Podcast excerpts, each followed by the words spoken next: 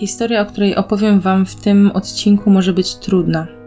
Trudna zarówno dla mnie do opowiedzenia, jak i dla Was jako słuchaczy. To, co się tam wydarzyło, to ogromny szok, a powiedzenie sprawca zbrodni zazwyczaj pojawia się w pierwszym tomie akt, będzie tutaj w punkt. Jest to historia opowiadająca o krzywdzie dwojga dzieci, możliwe, że już e, Wam znana. Nie miałam w planach nigdy o niej opowiadać, bo w świecie true crime jest ona jedną z tych popularniejszych, tajemniczych, nierozwiązanych spraw. Jednak pojawiły się w niej nowe fakty, nowe dowody, i dlatego stwierdziłam, że jednak chcę to zrobić. W ogóle ubiegły rok był rokiem wielkich zmian w świecie kryminalnym. Kilka spraw się rozwiązało, w niektórych pojawiły się nowe poszlaki, coś się ruszyło. Jeśli śledzicie facebookowe grupy, to zapewne wpadły Wam w ręce artykuły na ten temat. Korzystając z okazji, zapraszam Was na moją, do której link macie w opisie pod odcinkiem. Tam ja czy też inni członkowie grupy dodają takie hot newsy.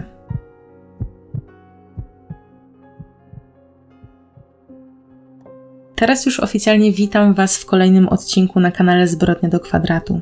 Mam nadzieję, że nieco się za mną stęskniliście, bo wiem, że dość długo mnie tu nie było. Ostatnio życie prywatne nie pozwala mi poświęcać temu tyle czasu, co kiedyś, ale spokojnie, jeśli jesteście stałymi słuchaczami, to ten podcast czy kanał Straszydło absolutnie nie są zawieszone. Po prostu jak to u mnie, odcinki i ich publikacja to jedna wielka niespodzianka, więc jeśli jesteście ciekawi etapów, na jakich jestem, zapraszam Was na Instagram podcastu, a teraz już do wysłuchania historii. Dramat z 1989 roku pozostawił w sercach faszczewskich ogromny żal. Wspomnienia tamtych wydarzeń wciąż potrafią wprowadzić niepokój. Starsze rodzeństwo Moniki i Januszka, czyli głównych bohaterów tej historii, posiadając swoje własne dzieci, wraca myślami do tragicznych zdarzeń i podchodzi do świata, a przede wszystkim do ludzi z dystansem. Tyle lat minęło. W tej chwili mam swoje dzieci. Bardzo mi ich przypominają. Tyle czasu upłynęło, a zawsze mam złe przeczucia. Gdy moje dzieci wychodzą na podwórko, czy wrócą, czy im się nic nie stanie, nigdy tego nie zapomnę. Ktoś zrobił nam taką krzywdę dla całej naszej rodziny. Mówi po latach ich siostra. Faszczewscy ponad 30 lat temu zamieszkiwali niewielką wieś nieopodal Białego Stoku. Jeńki. To właśnie tam się przenosimy. 23 października był to dzień jak każdy inny.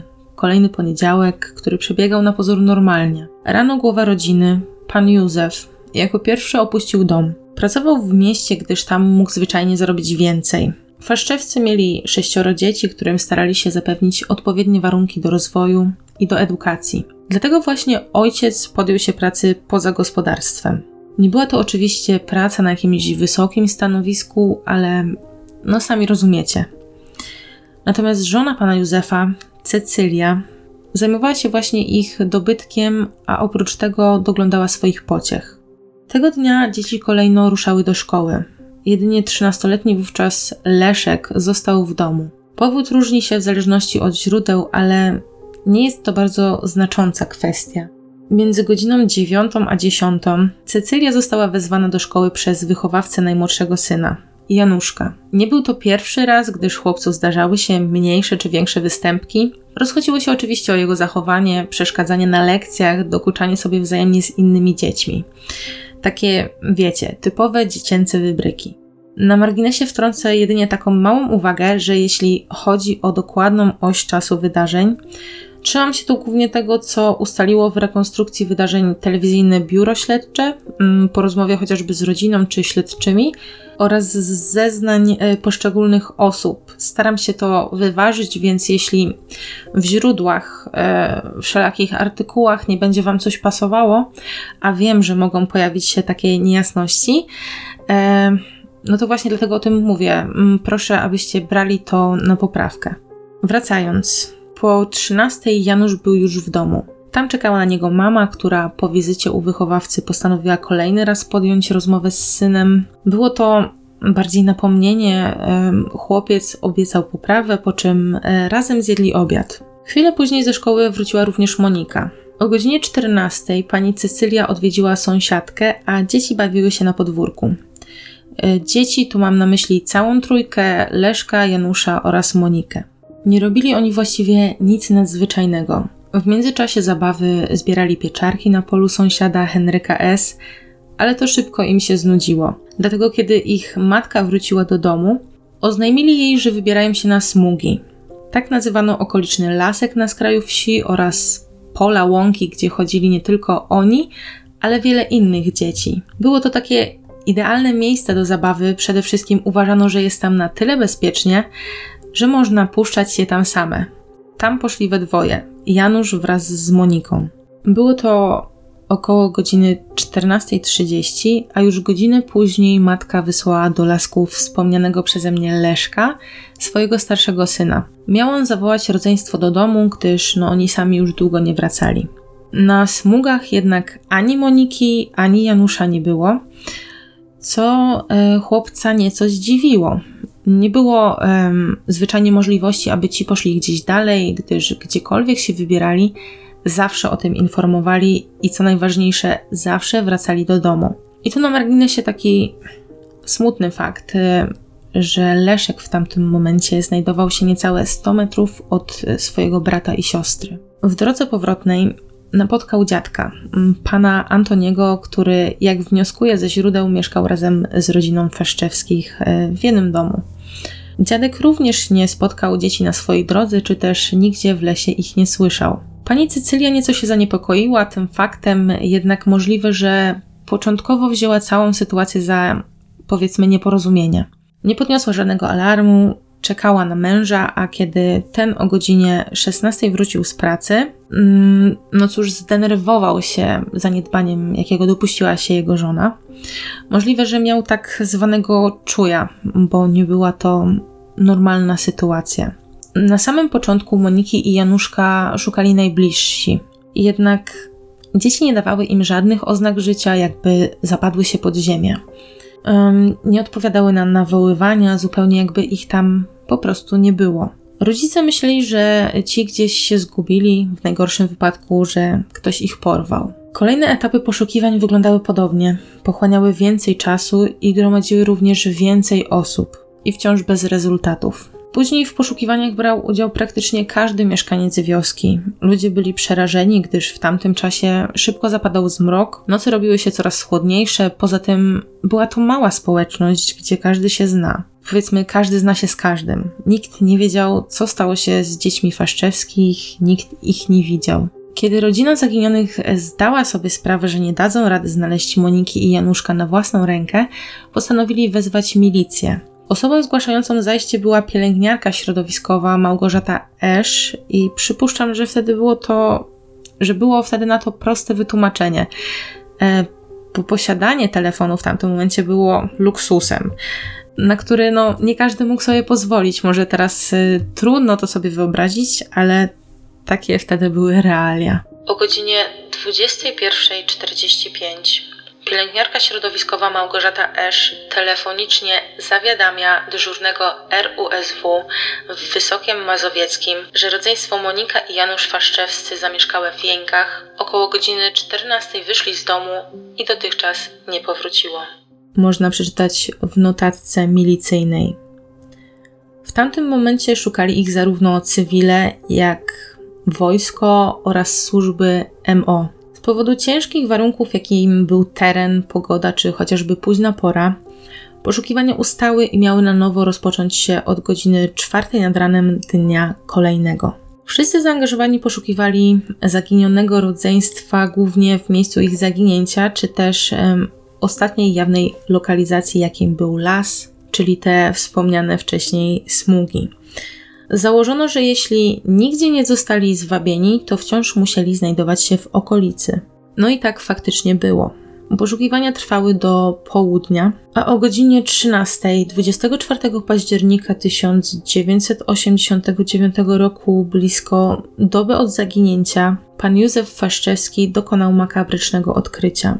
I tak ode mnie to naprawdę dość smutne, że na taką ilość osób zaangażowanych w poszukiwanie to faktycznie ojciec natrafił na zwłoki własnych dzieci. Później w ogóle ten przypadek nakierował śledztwo na trochę inny tor, ale o tym opowiem Wam za chwilę.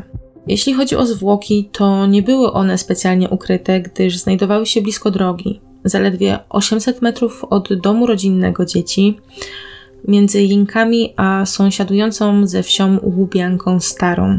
Z początku pan Józef zauważył świeżo rozgrzebaną ziemię i był przekonany, że to sprawka zwierząt. Jednak podchodząc bliżej, pod ściółką dostrzegł kawałek materiału, którym była skarpetka oraz dłoń dziecka. Od początku zdawał sobie sprawę, z czym wiąże się to odkrycie, i nawet nie potrafię sobie wyobrazić, jak wstrząsające musiało to dla niego być. Ten widok wciąż mam przed oczami. Moje kruszynki nie ruszały się. Były przysypane igłami i liśćmi z drzew, przykryte mchem.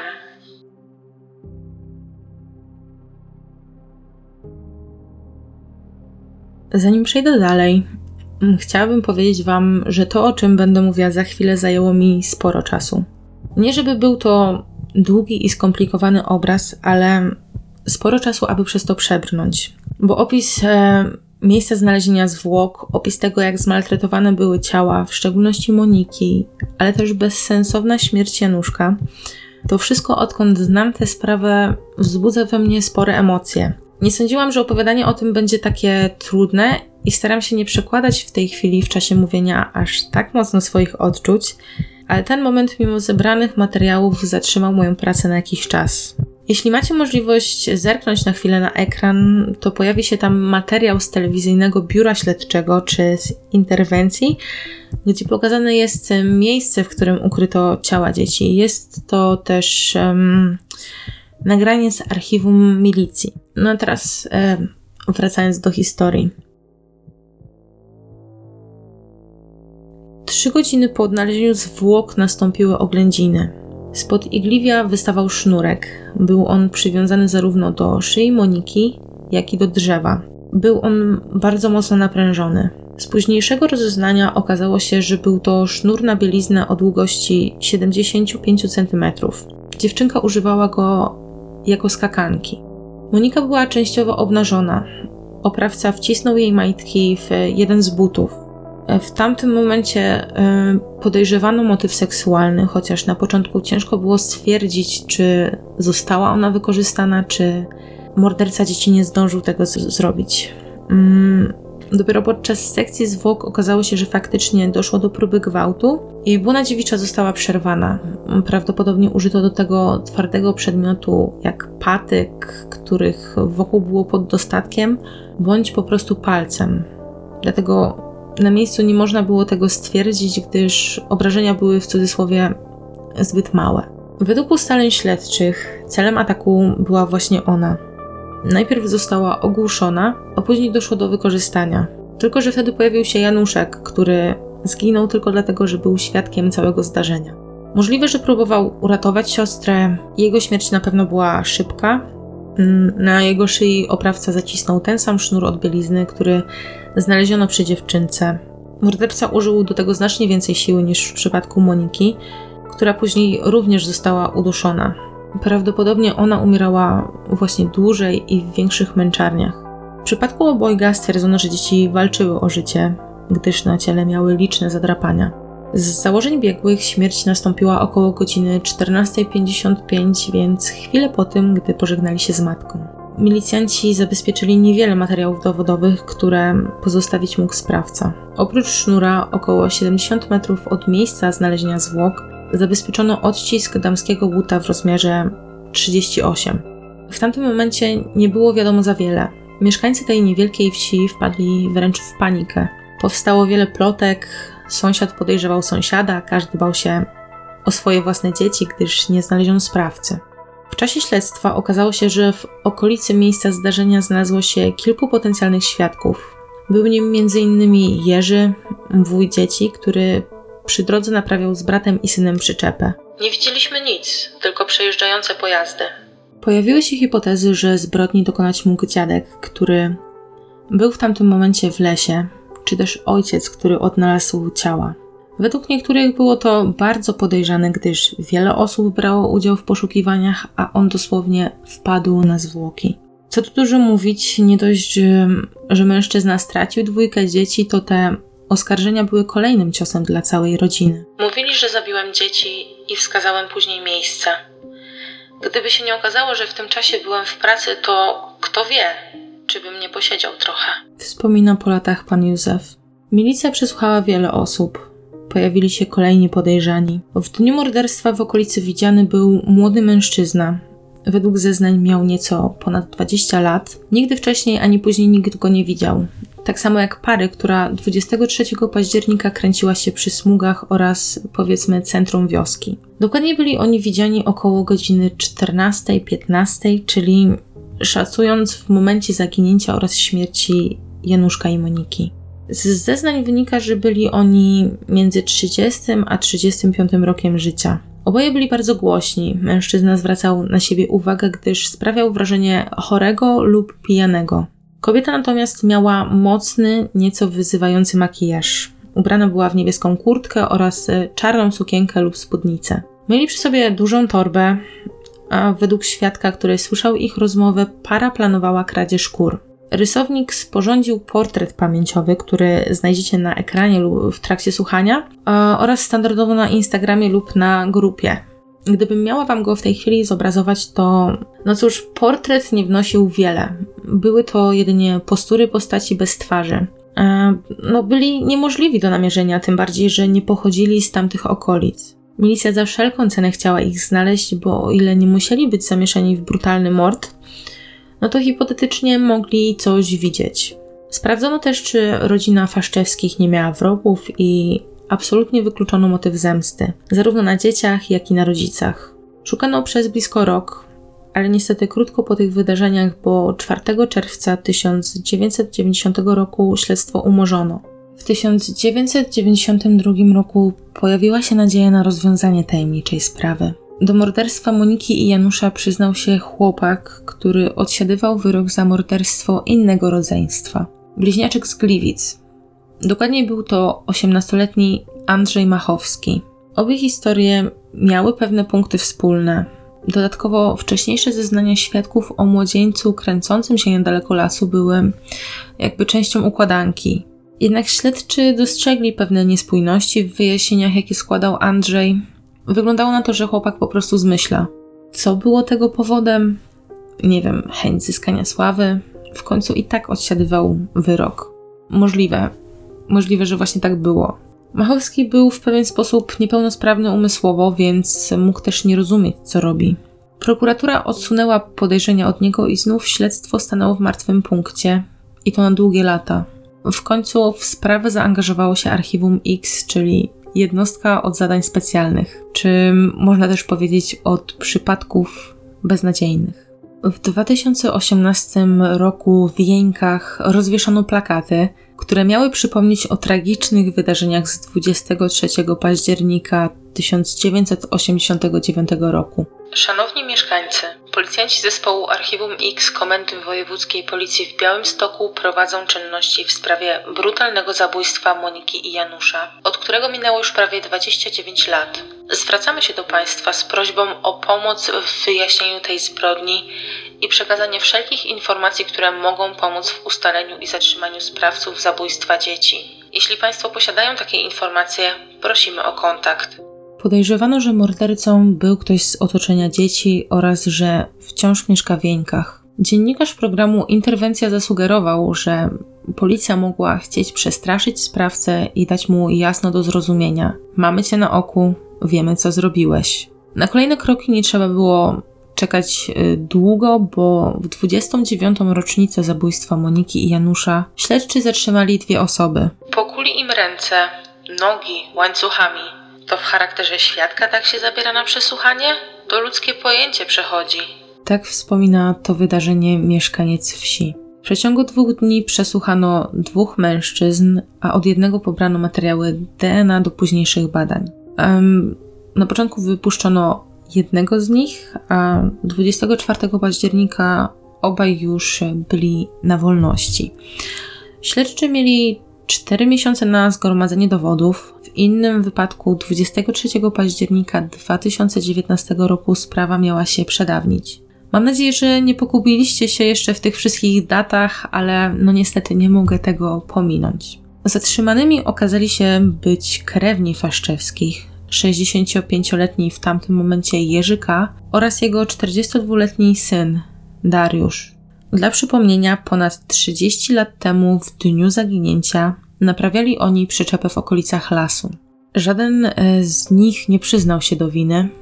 Byli oburzeni całą sytuacją, mimo że w tamtym momencie nie przedstawiono im zarzutów i przesłuchano ich zaledwie w charakterze świadków. Oprócz e, pobrania tych próbek DNA, oczywiście, więc na początku były jakieś podejrzenia. Mm, prokuratura początkowo nie komentowała sprawy ze względu na dobro śledztwa. Pięć czy sześć samochodów przyjechało. Przerajbowanie robią, wszystko wywalali, po chałupie chodzili, matce na dół nie dali zejść. Mnie pod pachę, do samochodu, tak jak wyszedłem z obory, brudny, buty brudne, bo po oborniku nie dali ich zdjąć. To słowa przesłuchiwanego Dariusza K. Jego ojciec, Jerzy, twierdził, że policjanci kazali przyznać mu się do popełnienia tej zbrodni i straszyli go tym, co zrobią mu w więzieniu za dzieciobójstwo. A jak wiemy, te są przecież przez innych więźniów traktowane ze szczególnym okrucieństwem dla oprawcy. Ci w więzieniu zazwyczaj nie mają życia. Ten niewielki przełom w sprawie skierował oczy całej Polski na niewielką wieś. Jednak wciąż brakowało odpowiedzi na pytanie dlaczego. Nie pojawiły się oficjalne informacje, ale wszyscy czekali na rozwiązanie makabrycznej zbrodni. W szczególności bliscy Janusza oraz Moniki.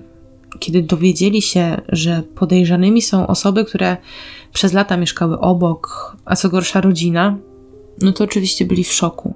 Ojciec pani Cecylii oraz ojciec Jerzego byli braćmi. Nawet nie potrafię sobie wyobrazić, co czuli i myśleli w tamtym momencie faszczewscy. Ludzie, którzy latami patrzyli bezczelnie im w oczy, wymieniali się serdecznościami. Nie chcę wybiegać za bardzo w przód, ale to, co działo się potem, było niepojęte. Tak jak mówiłam, śledczy walczyli z czasem, gdyż 23 października 2019 roku sprawa miała się przedawnić. Na szczęście, oprócz dowodów, prawo działało na ich korzyść. To znaczy, w tamtym momencie od pewnego czasu planowano nowelizację kodeksu karnego. Między innymi sprawy o zabójstwo miały dostać takie dodatkowe 10 lat na ich rozwiązanie. Ten projekt, projekt ustawy jest nadal rozpatrywany, jednak, że tak powiem, tak czy siak, zanim sprawa uległa przedawnieniu, zatrzymano faktycznego sprawcę i nie był nim wuj dzieci, a ich kuzyn, który w momencie popełnienia zbrodni miał 13 lat. Rodzina i mieszkańcy wsi byli w szoku, no bo jak dziecko mogło popełnić tak okrutną zbrodnię? Wielu podejrzewało, że ktoś musiał mu pomóc, że w takim wieku nie byłby w stanie zamordować dwójki dzieci sam. Jednak jak podaje prokuratura, mm, tu cytując, Przeprowadzono liczne eksperymenty procesowe, oględziny miejsca popełnienia przestępstwa czy ekspertyzy psychologiczne, które wskazały, że to Dariusz K. jest sprawcą tych czynów. W 1989 roku nastolatek wyglądał na więcej lat niż faktycznie miał. Był wyższy od swoich rówieśników. Powiedzielibyśmy, że był rosły.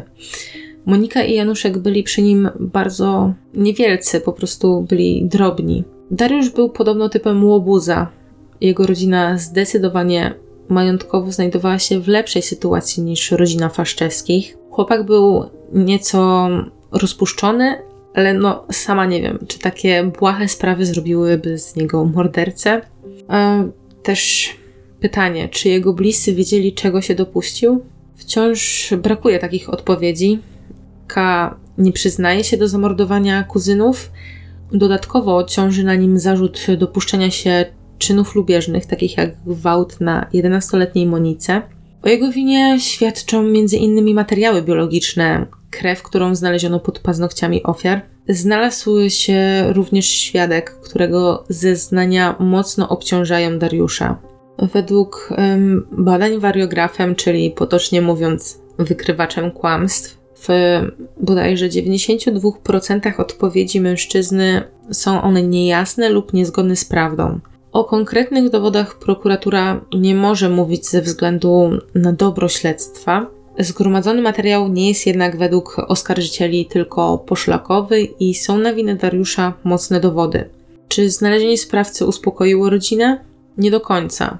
Siostra zamordowanych mówi w materiale Polsatu. Jak można odebrać komuś życie i być wolnym jak ptaszek? Natomiast pan Józef Faszczewski widzi tylko jeden pozytywny aspekt całej tej sytuacji. Że dzięki temu jego żona nie będzie więcej we wsi wytykana palcami jako ta, która zamordowała własne dzieci, bo i takie zarzuty padały w jej kierunku. Ogólnie Faszczewscy nie mieszkają już tam, gdzie wcześniej mieszkali, ale no ta sprawa żyje w mieszkańcach po dziś dzień. Co dalej? Dariuszowi przedstawiono zarzuty, jednak jak sam mówi, śpi spokojnie. Nic też dziwnego, mimo że policja, prokuratura doprowadziła go przed sąd, to nie poniesie on większych konsekwencji przez prawo, jakie mamy w kraju. W tej chwili ma on 44 lata, lecz w momencie popełnienia przestępstwa miał mniej niż 15 lat. Przez zostanie przed sądem rodzinnym. Nie liczy się aktualny wiek sprawcy, a to, że kiedy dopuścił się tych czynów, był jeszcze dzieckiem, które nie do końca mogło zdawać sobie sprawę z tego, co robi. Na pewno nie można mówić tu o spełnieniu społecznego poczucia sprawiedliwości. Podsumowuje mecenas Bartosz Wojda. Dariusz, nawet w momencie, gdy zostanie mu oficjalnie udowodniona wina, nie wyląduje w więzieniu, nie poniesie tak naprawdę żadnej odpowiedzialności, bo sąd rodzinny może zadecydować jedynie o dozorze kuratora, upomnieć oskarżonego, czy też osadzić go w najgorszym wypadku w poprawczaku. Tam jednak lądują osoby do 21 roku życia, więc tak naprawdę, no, mężczyzna będzie nadal wolnym człowiekiem. Wyrok jeszcze nie zapadł, ale prokuratura jest przekonana o jego winie, że jest on faktycznym i na chwilę obecną jedynym sprawcą. Jeśli w trakcie śledztwa okazałoby się inaczej, to oczywiście będę Was informować o tym, co dzieje się dalej.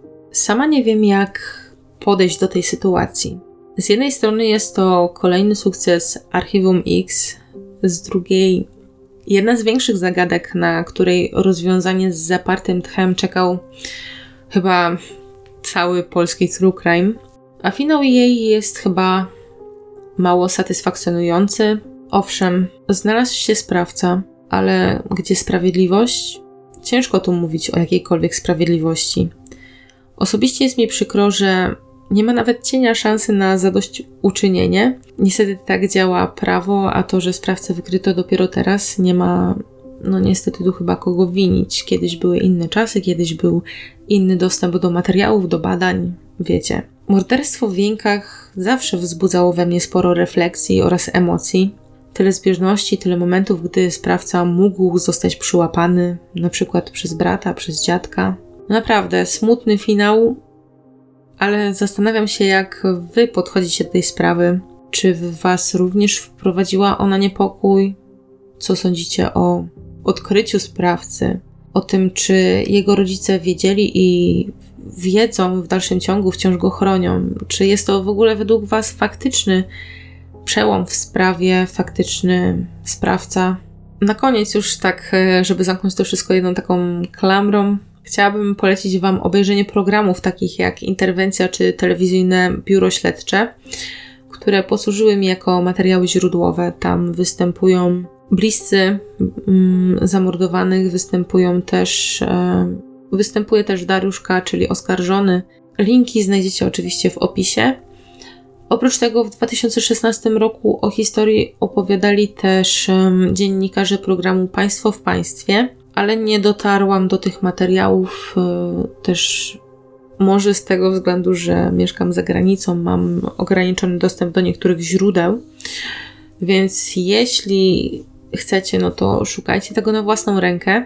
A ja wszelkie źródła y, umieszczam standardowo w opisie strony. Jeśli spodobał Wam się ten odcinek i podoba Wam się moja praca, to zachęcam Was do obserwacji mojego kanału na Spotify czy subskrypcji na YouTubie oraz do zostawienia po sobie jakiegoś śladu, aby mogła dotrzeć do większego grona odbiorców. Zapraszam Was standardowo na mojego Instagrama, czy do dołączenia na do dołączenia do facebookowej grupy, wystarczy wpisać w wyszukiwarkę na kwadracie i nazwę mojego kanału.